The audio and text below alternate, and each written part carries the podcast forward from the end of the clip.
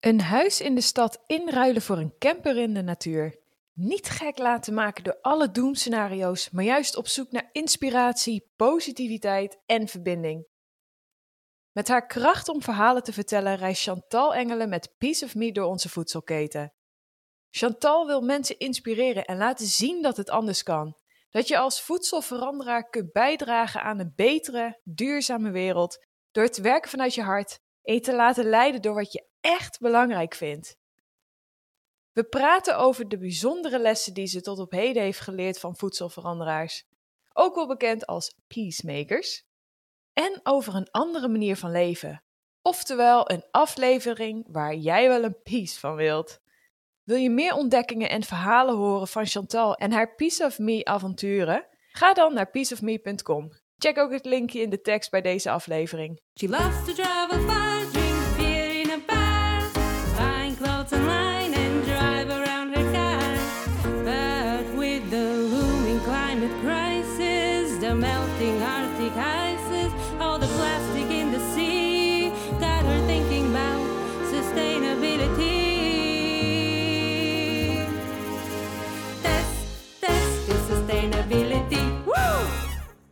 Oké, nou ik zit hier nu met eh, Chantal van Piece of Me. Allereerst super vette titel. Ik kan niet wachten om te horen over dit super stoere avontuur wat jij bent aangegaan, Chantal.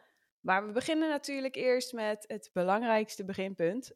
Wanneer en hoe is jouw duurzame hart gaan kloppen? Wat was jouw startpunt? Eh, hoi, ja. ehm goeie vraag. Wanneer gaat je duurzaam hart kloppen? Ik weet eigenlijk niet of je daar een, een eh, moment op kan plakken. Maar eh, ik ben opgegroeid in het restaurant van mijn ouders. En ik maakte met mijn vader vaak de gerechten in de keuken. Mijn vader was altijd in de keuken te vinden. En als ik hem wilde zien, dan moest ik ook in de keuken zijn. Dat wist ik. Dus ik ging hem heel vaak helpen. En ah ja, als je een restaurant hebt en buffetten maakt, dan weet je eigenlijk wel dat er heel veel eten weggegooid wordt. Dus dat was toen mijn eerste aanraking met voedselverspilling. Alleen was ik er toen nog helemaal niet zo mee bezig natuurlijk. Maar ik was wel echt altijd met, met eten bezig. Ik woonde in Brabant, ik was veel bij boerderijen. En ehm, ik speelde daar met dieren. Dus ik was heel jong eigenlijk al wel bezig met eh, ja, voedsel, met dieren, maar ook met de wereld om me heen. Ik schreef ook brieven naar de minister-president, omdat ik vond dat we veel te weinig deden om het eh, milieu te helpen. En dat we veel te veel bezig waren met de economie. Ik was lid van de dierenbescherming. Dus ik, ik denk wel dat ik al heel jong bezig was met de wereld om me heen. Ja, dat was toen natuurlijk nog geen duurzaamheid, maar gewoon ja, de dingen die je aanspreken. En eh, ja, dat is later in mijn leven alleen maar belangrijker geworden. En ja, zelfs mijn grote drijfveer. Oeh, vertel me daar nog iets meer over. Wat is dan precies jouw drijfveer?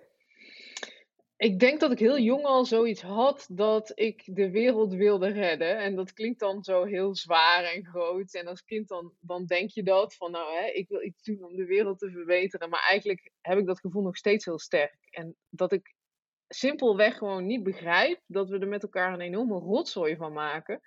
Terwijl vaak de oplossingen om het beter te doen echt heel erg simpel zijn. En dat hoeft helemaal niet groots te zijn. Dat kan vaak ook al met hele kleine dingen.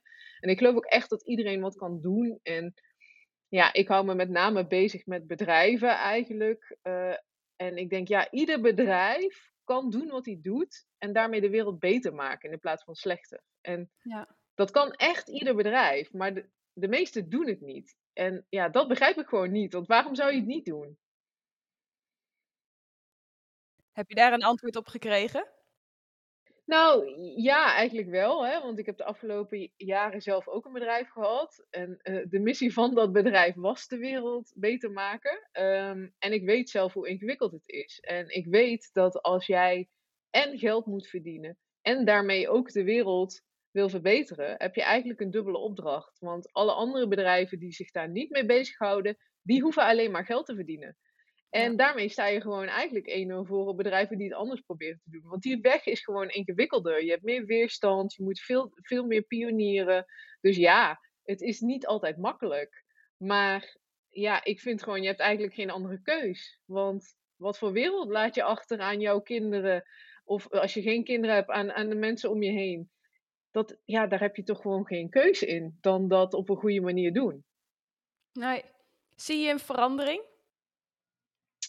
Ja, ik zie zeker een verandering. Ehm, ik denk de, de wereld waar we nu in zitten is niet hetzelfde als die van tien jaar geleden. Dus ik zie ook dat bedrijven nu echt wel iets hebben van, oké, niet alleen we moeten iets omdat dat van ons gevraagd wordt of omdat wij denken dat dat moreel noodzakelijk is, maar ook simpelweg als we niet innoveren en eh, klaar zijn voor de toekomstige wereld, om het zo te zeggen, dan zijn we niet meer relevant misschien over tien jaar als bedrijf en kunnen we simpelweg geen geld meer verdienen. Dus ik denk, eh, je had natuurlijk een aantal jaren dat ieder bedrijf ineens een MVO-plan had, hè, maatschappelijk verantwoord ondernemen, want dat vroegen de aandeelhouders of de klanten. Maar nu zie iedereen toch achter de oren krabben en denken: ja, als we nu niet meegaan in bepaalde transities, dan kunnen we misschien überhaupt geen geld meer verdienen. Dus de, de noodzaak, die begint een beetje te, uh, uh, ja, begint urgenter te worden en te verschuiven, denk ik. Ja, absoluut. En natuurlijk de vraag van ons als consumenten, die wordt ook steeds sterker van, uh, doe jij nog steeds niks? Ja en nee. Ik denk Oeh. inderdaad dat er best een groep consumenten is die wil dat bedrijven anders in de wereld staan en hè, veel meer aandacht hebben voor uh, duurzaamheid, eerlijke prijzen en dat soort dingen. Alleen, als je bijvoorbeeld kijkt naar het gedrag van de meeste consumenten, dan laat dat natuurlijk nog totaal wat anders zien.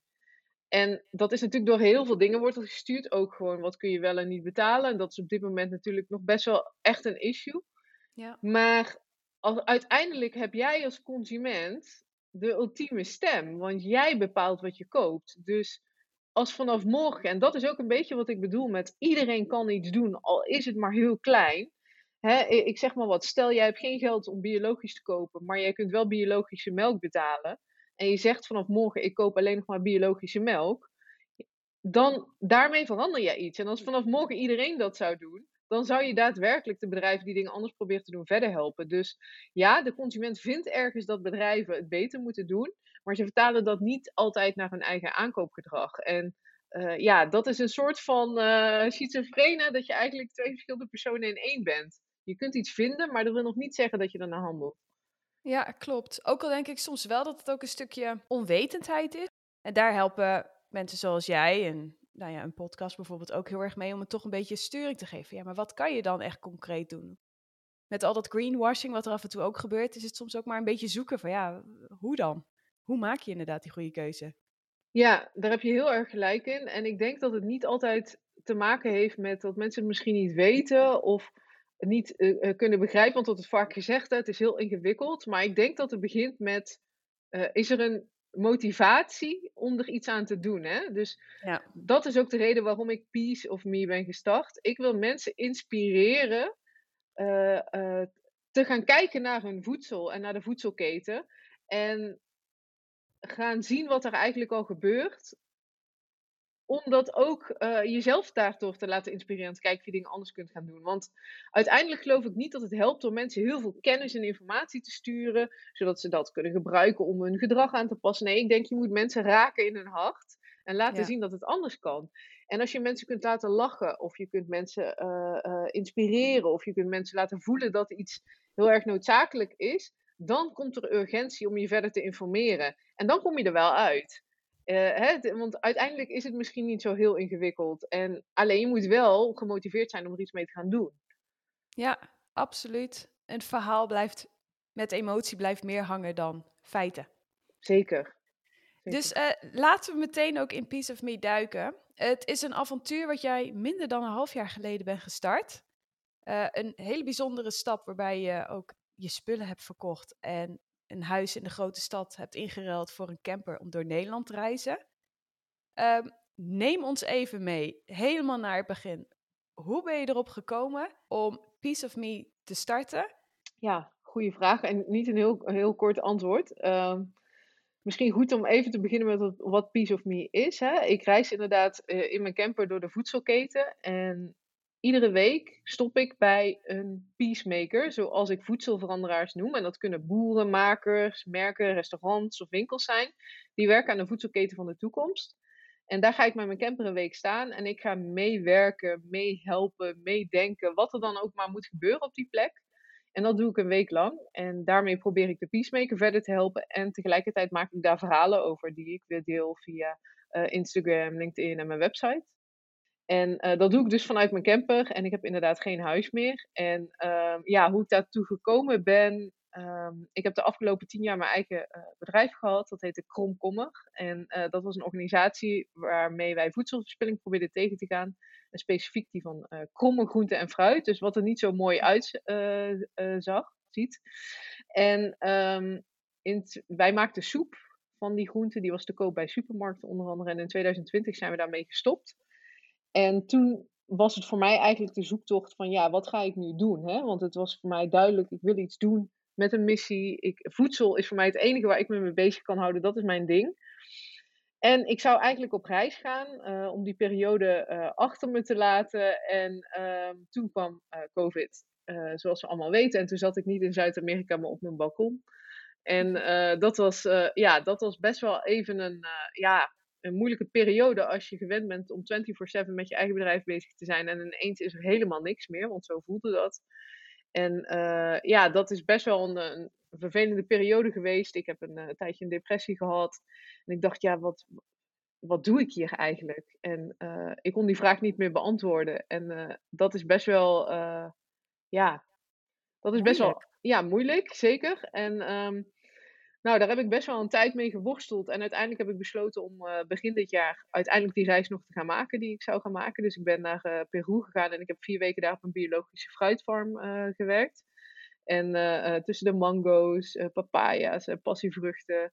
En dat was lang niet altijd makkelijk, maar het was echt heel gaaf om daar weer met mijn poot in de klei te staan. En daar begon ik eigenlijk ook al wat verhalen over te delen op LinkedIn. En dat vond ik wel echt, echt heel gaaf om te doen. Ik ben nog naar Colombia gegaan en eh me daar eh, eh, met koffie, op koffiefarms geweest, want koffie is mijn andere grote passie. En toen voelde ik me eigenlijk best wel weer goed. En eh, mijn doel was daar om te genieten van de kleine dingen. En dat lukte eigenlijk wel weer. En eh, ik dacht, nou, ik ben eigenlijk wel klaar om terug te gaan. En ik kwam terug in Nederland. En ik dacht, oh, wat doe ik hier? En eh, ik weet het Ja. gewoon niet. En ik had een parasiet meegenomen. Ik voelde me echt heel beroerd. En eh, toen dacht ik, ja, wat ga ik doen? En op een gegeven moment, een maand later, alsof dat, zoals dat in een tekenfilm gaat, zo'n lampje boven, boven mijn hoofd, zo van pling. En toen kwam dit idee in mijn hoofd. Want ik dacht, ja, waarom ben ik nu iedere keer zo happy als ik op reis ben? En wat zit daar nou in? En ehm, toen dacht ik, ja, dat is nieuwe mensen ontmoeten, nieuwe ervaringen, iedere dag, nieuwe dingen leren. En, en, en de vrijheid voelen. Kan ik dat nu in Nederland niet doen? Kan ik nu niet in Nederland iets doen waarbij ik dat allemaal kan ervaren? Eh, dat was eigenlijk de enige kant. Dat, was meer de vorm. Dat ik dacht, ja, ik ga op reis in Nederland. En ehm, toen eh, dacht ik, wat ga ik dan precies doen? Nou, voor mij was er eigenlijk maar één, maar één optie. En dat was verhalen vertellen. Dat is wat ik met komkommer altijd gedaan heb. En ik merkte, nou nog steeds eigenlijk, maar op dat moment zeker, dat we echt heel erg behoefte hebben aan positieve verhalen. eh, laten zien hoe het wel kan, in de plaats van alle negativiteit en ellende die er iedere dag over ons heen gestort wordt. En Ja. er gebeurt zoveel goeds in Nederland in de voedselketen. En ik dacht, wat nou als ik dat kan gaan laten zien? En die twee kwamen bij elkaar. En toen heb ik dat besloten. Twee weken later heb ik mijn huis opgezegd, een camper eh, gekocht. En eh, ik ben op pad gegaan. Wauw, dat is wel echt ontzettend stoer. En ja, ik vind het ook mooi dat je eigenlijk hebt gekeken van ja, wat, wat brengt zo'n reis mij eigenlijk? En moet je inderdaad daarvoor helemaal naar het buitenland gaan, maar dat je het juist ook heel erg betrekt op de ervaring zelf. En dat het misschien ook heel mooi in Nederland kan. En daar ook nog zo'n missie aan te koppelen. Ik vind het, ik ben benieuwd, wat hoop jij te bereiken, te vinden? Je bent al een paar maanden onderweg. Had je dat voor jezelf ook vorm weten geven nou, ik ga dit doen en ik heb een bepaald doel daaraan. Naast alleen het proces zelf van het delen en wat het jou brengt. Nou, eigenlijk, ik ben iemand die altijd heel doelgericht is geweest. Dus ik vond het altijd heel belangrijk op school. Ik wilde k- cum laude afstuderen. En uh, met komkommer, ik wilde gewoon alles bereiken wat ik in mijn hoofd had. En voor mij was het doel van, is het doel van deze reis eigenlijk om niet meer zo'n doel te formuleren, maar eigenlijk veel meer te laten ontstaan wat er is. Omdat ik denk wat ik geleerd heb de afgelopen tien jaar is dat je veel meer kunt bereiken door te werken vanuit positiviteit. En daar mensen, uh, dat mensen daar veel beter op aangaan dan dat je uh, je doelen stelt vanuit een bepaalde resultaatsgedrevenheid. Ja. Dus uh, mijn doel was eigenlijk, ik wil happy zijn. Uh, en ja, mij vooral happy voelen in wat ik doe. Ik wil iets kunnen betekenen voor de plekken waar ik kom, dus de peacemakers. Daar wil ik iets voor kunnen doen. Iedere week wil ik daar een klein vlammetje kunnen ontsteken. En ik wil zorgen dat eh, hun werk meer impact krijgt.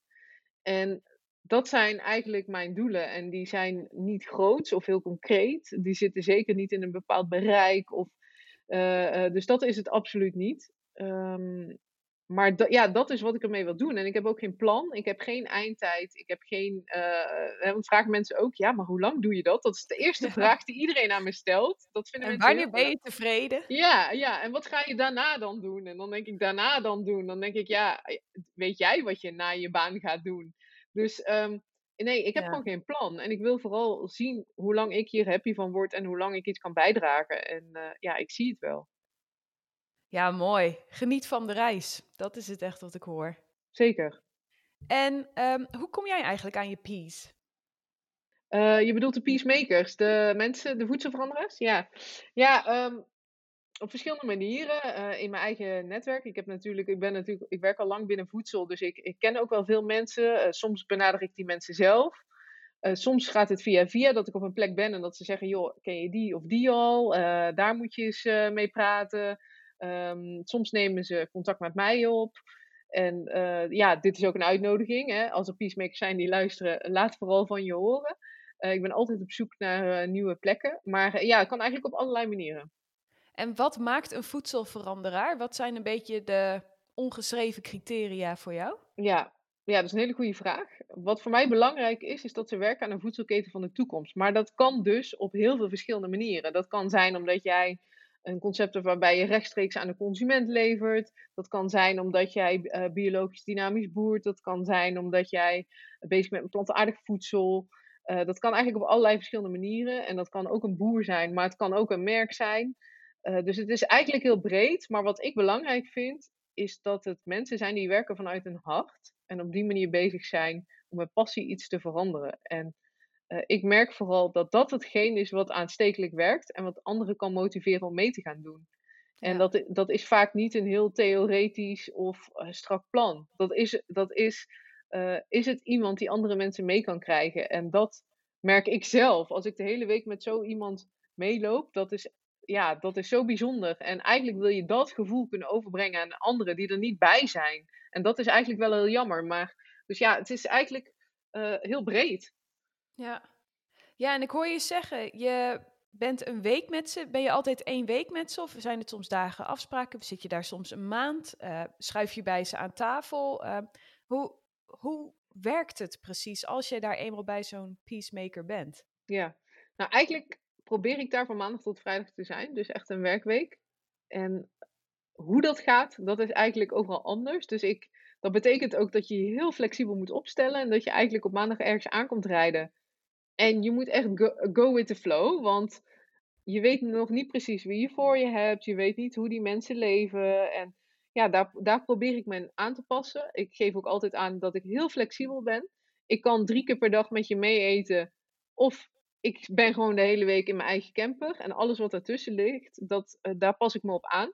Maar over het algemeen moet ik zeggen dat je uiteindelijk, als je een goede klik hebt met mensen, ja, dan kan het zomaar zijn dat je drie keer, drie keer per dag bij iemand aan de keukentafel zit. En dat dat juist ook hartstikke leuk is. En uh, dat, je, dat je juist op de momenten bij de koffie om tien uur s ochtends, wat op heel veel bedrijven, boerenbedrijven vooral echt een momentje is, heb je de leukste gesprekken en leer je elkaar pas echt kennen. En dat is ook wat ik merk, dat um, hè, je hebt natuurlijk uh, consultants die met bedrijven meedenken en projecten doen.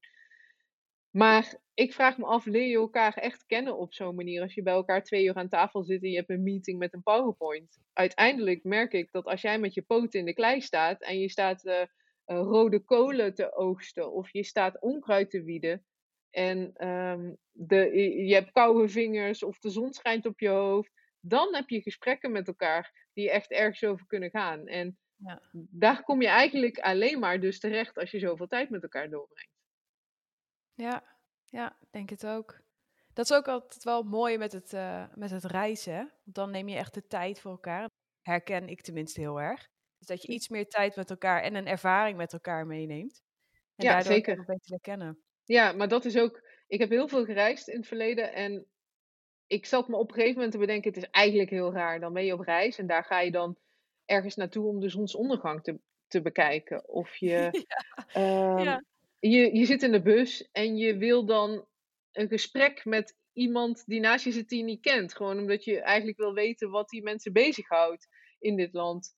En toen dacht ik, ja, het is eigenlijk zo krom dat je in Nederland dit dan niet doet. En Ja. hoe kan het dat je dan een andere pet opzet en, en dan in een hele andere modus zit? En ik merk nu, omdat ik nu dus op reis ben en mezelf dat label geef, dat je dat hier dus ook doet. Dus ik sta nu op voor de zonsopkomst en ik kijk de zonsondergang, terwijl ik in de stad dat helemaal nooit meer deed. Ik, ik spreek mensen aan die ik normaal niet aan zou spreken. En ja, dat maakt je leven zoveel rijker. En de vraag is, waarom zetten we oogkleppen op als we niet op reis zijn? En zien we dat soort dingen niet meer? Ja, mooi. Eh, Echt een totaal een zijpad, maar ik ben het helemaal met je eens. Mooie realisatie ook. Ja, Ehm, Chantal, kan je me even meenemen? Wat in, in de ervaringen die je hebt gehad, wat is een piece verhaal wat jou ontzettend heeft geraakt of juist heel erg geïnspireerd? ja ik denk ze hebben allemaal iets wat mij raakt of inspireert. Maar de, een van de bijzondere is toch wel mijn allereerste. En ehm, dat is Ivar van Dorst. Ivar is 24, is de jongste boer waar ik geweest ben. En eh, Ivar eh, heeft ooit patisserie, patisserie gestudeerd. En eh, heel wat anders. En is op, heeft op een gegeven moment toch besloten om een boerderij te gaan starten. Omdat hij simpelweg vindt dat hij zijn generatie de verantwoordelijkheid heeft om de wereld te veranderen. En ehm, dus hij is Ecoto gestart. Dat is een biologische boerderij. Dat doet hij in zijn eentje. En daar teelt hij eh, allerlei groenten die hij in eh, groentepakketten aan consumenten verkoopt, maar ook allerlei pulvruchten. Die die, eh, waar hij mee experimenteert zijn oud- oud-Hollandse rassen, waar hij weer een afzetkanaal voor probeert te vinden. Hij teelt kruiden voor de thee van Wilderland. Wilderland is trouwens ook fantastisch. Als je ze niet kent, leer ze kennen. En ehm, hij heeft het echt niet makkelijk als boer om daar, om daar geld mee te verdienen. Maar hij doet dat omdat hij vindt dat hij iets moet bijdragen. En eh, ja, het is bijzonder hoe hij in de wereld staat. Dus ik zou zeggen, eh, lees vooral zijn verhaal. Mooi. En heb je ook iets meegemaakt wat je heel erg heeft verbaasd of dat je daar een beetje zat van, eh wat de fuck, waar ben ik nu? Goeie vraag. nou, ik heb wel. Er zijn natuurlijk wel momenten dat je denkt. Oh ja, ja, ja dit, dit hoort er ook bij of zo. En ehm, het is ook lang. Het is natuurlijk ook niet altijd leuk. Je, eh, hè, want ehm, ik heb ook wel momenten gehad in mijn camper dat ik dacht van eh, ja, het is donker en dan zit ik hier in mijn eentje te koekeloeren. En eh, ja, wat ga ik eigenlijk doen? En je staat in the middle of nowhere, dus je kunt ook niet heel makkelijk ergens naartoe of zo. Ehm, dus die momenten zijn er echt wel. Echt hele gekke dingen of zo, dat nog niet echt. Maar wel momenten dat je even denkt, ja, hmm, eh, dat je bijvoorbeeld staat te wassen in een teltje omdat er geen douche is of dat dat de enige optie is.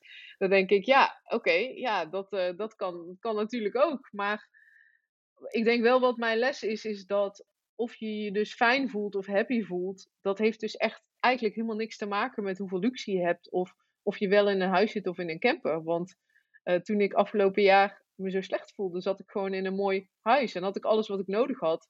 En ik voelde me iedere dag slecht. En ik wist gewoon niet wat ik met mezelf aan moest. Dus eh, dat vind ik best wel een wijze les die ik dit jaar geleerd heb. Dat of je nu. Je kunt je overal slecht voelen of ongelukkig, maar dus ook overal gelukkig. En Ja. dat is wel, vond ik een belangrijke realisatie. Heb je nog meer van dat soort realisaties? Want ik kan me voorstellen dat een paar maanden al onderweg zijn, dat dat je ook veel brengt naast inspirerende verhalen. Wat, wat zijn nog meer ontdekkingen voor jezelf ook die je hebt ontdekt? Ja, ehm, nou, ik denk sowieso echt de invloed van de natuur. Dus het heel veel buiten zijn en dat dat echt eh, helend kan werken bijna. Dus dat ik echt kan voelen als ik, als ik buiten kom en de zon voel, dat een soort van de, de ontspanning over mijn lijf komt. Dat is echt iets waar ik steeds bewuster van word. Dat, dat buiten zijn en de natuur zijn echt, echt heel belangrijk voor mij is. Ehm, ja, en toch wel de kracht van, van verbinding. En dat klinkt heel cliché. Ehm, hè, als ik dat altijd hoorde, dacht ik, oh, verbinding, dat is echt weer zo'n zo'n magic word. Maar als je de tijd kunt nemen ehm, om echt met mensen een, eh, een goed gesprek te hebben, daar kunnen echt hele mooie dingen uit ontstaan. En ik heb dus gemerkt dat het voor mij, dat ik makkelijker een goed gesprek met iemand kan hebben op het moment dat ik mezelf dus eh, openstel en me kwetsbaar opstel. Ik, ik, ik moest vroeger van mezelf altijd heel sterk zijn. En ik, ja, je, je, je bent een, vrouw en dan denk je toch al snel van ja, ik wil niet soft zijn. Ik wil ook mee kunnen doen met de mannen. En eh, je wilt je zwakte niet tonen. Maar ik denk wat ik geleerd heb de afgelopen tijd is als je jezelf kwetsbaar opstelt en eh, geen filters hebt en eigenlijk gewoon laat zien wie je bent. En dus ook de, de wat minder eh, misschien sterke dingen dat je veel makkelijker met mensen uiteindelijk tot een niveau komt waarop je een goed gesprek kunt hebben. En eh, dus als je dat panzer eh, van je af laat vallen en daar komen gesprekken uit die zo rijk kunnen zijn, dat je daardoor ook eh, minder behoefte hebt aan andere dingen die je happy ma- maken. En wat ik daarmee bedoel is als je misschien gewend bent om vaak te gaan winkelen of nieuwe dingen voor jezelf te kopen. Ja, dat doe je eigenlijk omdat het kleine stukjes geluk zijn die je voor jezelf koopt. Maar mooie gesprekken met mensen kunnen dat ook, kunnen dat ook eh, opleveren. En eh, daarvoor hoef je dus niet op reis te zijn of in een bepaalde context. Nee. Oh, wat mooi. En ik moet zeggen, heel erg herkenbaar ook. Ik kwam ook echt van een plek waarbij ik gewoon een soort façade neerzette van een sterke vrouw. En ik kan het allemaal wel aan. En eh, mij krijg je niet klein. Maar daarmee blokkeer je eigenlijk naar een ander toe. En ja, zorg je voor een muur waar je niet die verbinding aan kan gaan. Dus ik herken heel erg, heel erg wat je zegt. Dus eh, ik denk dat we al aan het einde zitten van ons, eh, van ons gesprek. Maar uiteraard moeten er nog wel een paar toptips gedeeld worden met mij en de luisteraars. Je hebt al heel veel wijsheid gegeven, dus ik hoop dat je nog een paar punten kan opsprokkelen. Welke drie ja, tips kan jij nog meegeven aan mij en de luisteraars? Of het nou gaat over een impact maken met, eh, als voedselveranderaar, of misschien juist wat je hebt meegekregen van jouw nieuwe lifestyle. Wat zijn nog drie dingen die je aan ons kan meegeven? Als het gaat om eten en, de voedselketen om je heen, dan wil ik je echt uitnodigen om sowieso rond te kijken wat er al is. Er gebeurt in heel Nederland zo ontzettend veel wat je niet doorhebt. En waarschijnlijk ook binnen 10 kilometer bij jou eh, vandaan. Hè, boeren die daar lekkere dingen telen die je zo kunt gaan, gaan kopen. Er bestaan heel veel i- initiatieven online waar je die kunt opzoeken. Ehm, nee, op mijn website, maar ook heel veel andere. Dus ga je daar vooral eens een keer in, verdiepen. En eh, dat kan in, in 10 minuten kun je daar al eh, misschien al best wel een verschil maken voor makers of boeren in, jouw omgeving. Die eh, ja, uiteindelijk als we de voedselketen willen veranderen, begint het bij jou. Dus ga daar eens naar kijken. Dat zou eh, mijn eerste tip zijn. Ehm, de tweede tip zou toch wel zitten in dat verbinden met mensen. Ga eens experimenteren met hele kleine dingen. Eh, bijvoorbeeld door als je iemand op straat ziet lopen die een hele mooie kleur jas aan heeft of schoenen. Geef, die, geef eens een compliment en kijk eens wat er gebeurt. Dat is een heel klein experimentje.